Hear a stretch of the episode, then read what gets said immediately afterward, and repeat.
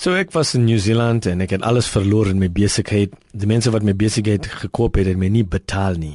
En ek is nou in New Zealand en uh, ek werk in uh, in Burger King. Ek is nie die bestuurder of die direkteur daar nie nee, ek begin heel onder. Ek maak die burgers, ek maak die vloere skoon, ek uh, maak die toilette skoon, maar voor ek die burgers maak, ek ek het vir hulle gesê dat ek het my hande gewas. en wanneer ek vir die Here vra, hoekom is ek hier in New Zealand? Ek het soveel geld in Suid-Afrika. Ek het baie goed gedoen in my besigheid. En die Here gee vir my hierdie woorde. Ek wil jou uit die put uithaal en na die paleis neem.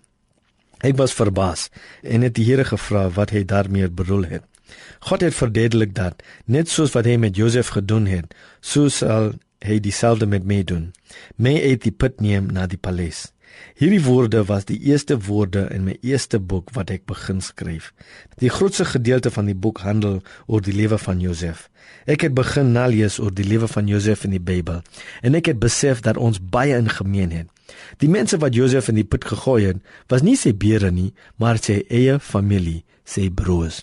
Laat ek jou 'n geheim vertel van die mense wat my besigheid gekoop het en my nie uh, betaal nie.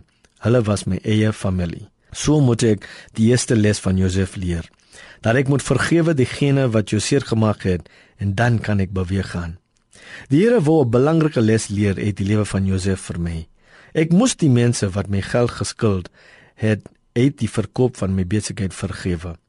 Dit was nie maklik om dit te doen omdat ek kan dit nie in my eie krag en my eie sterkte doen. Maar ons moet bid en ek moet bid vir die Here te vra om, om om vir my die krag te gee om mense te vergewe.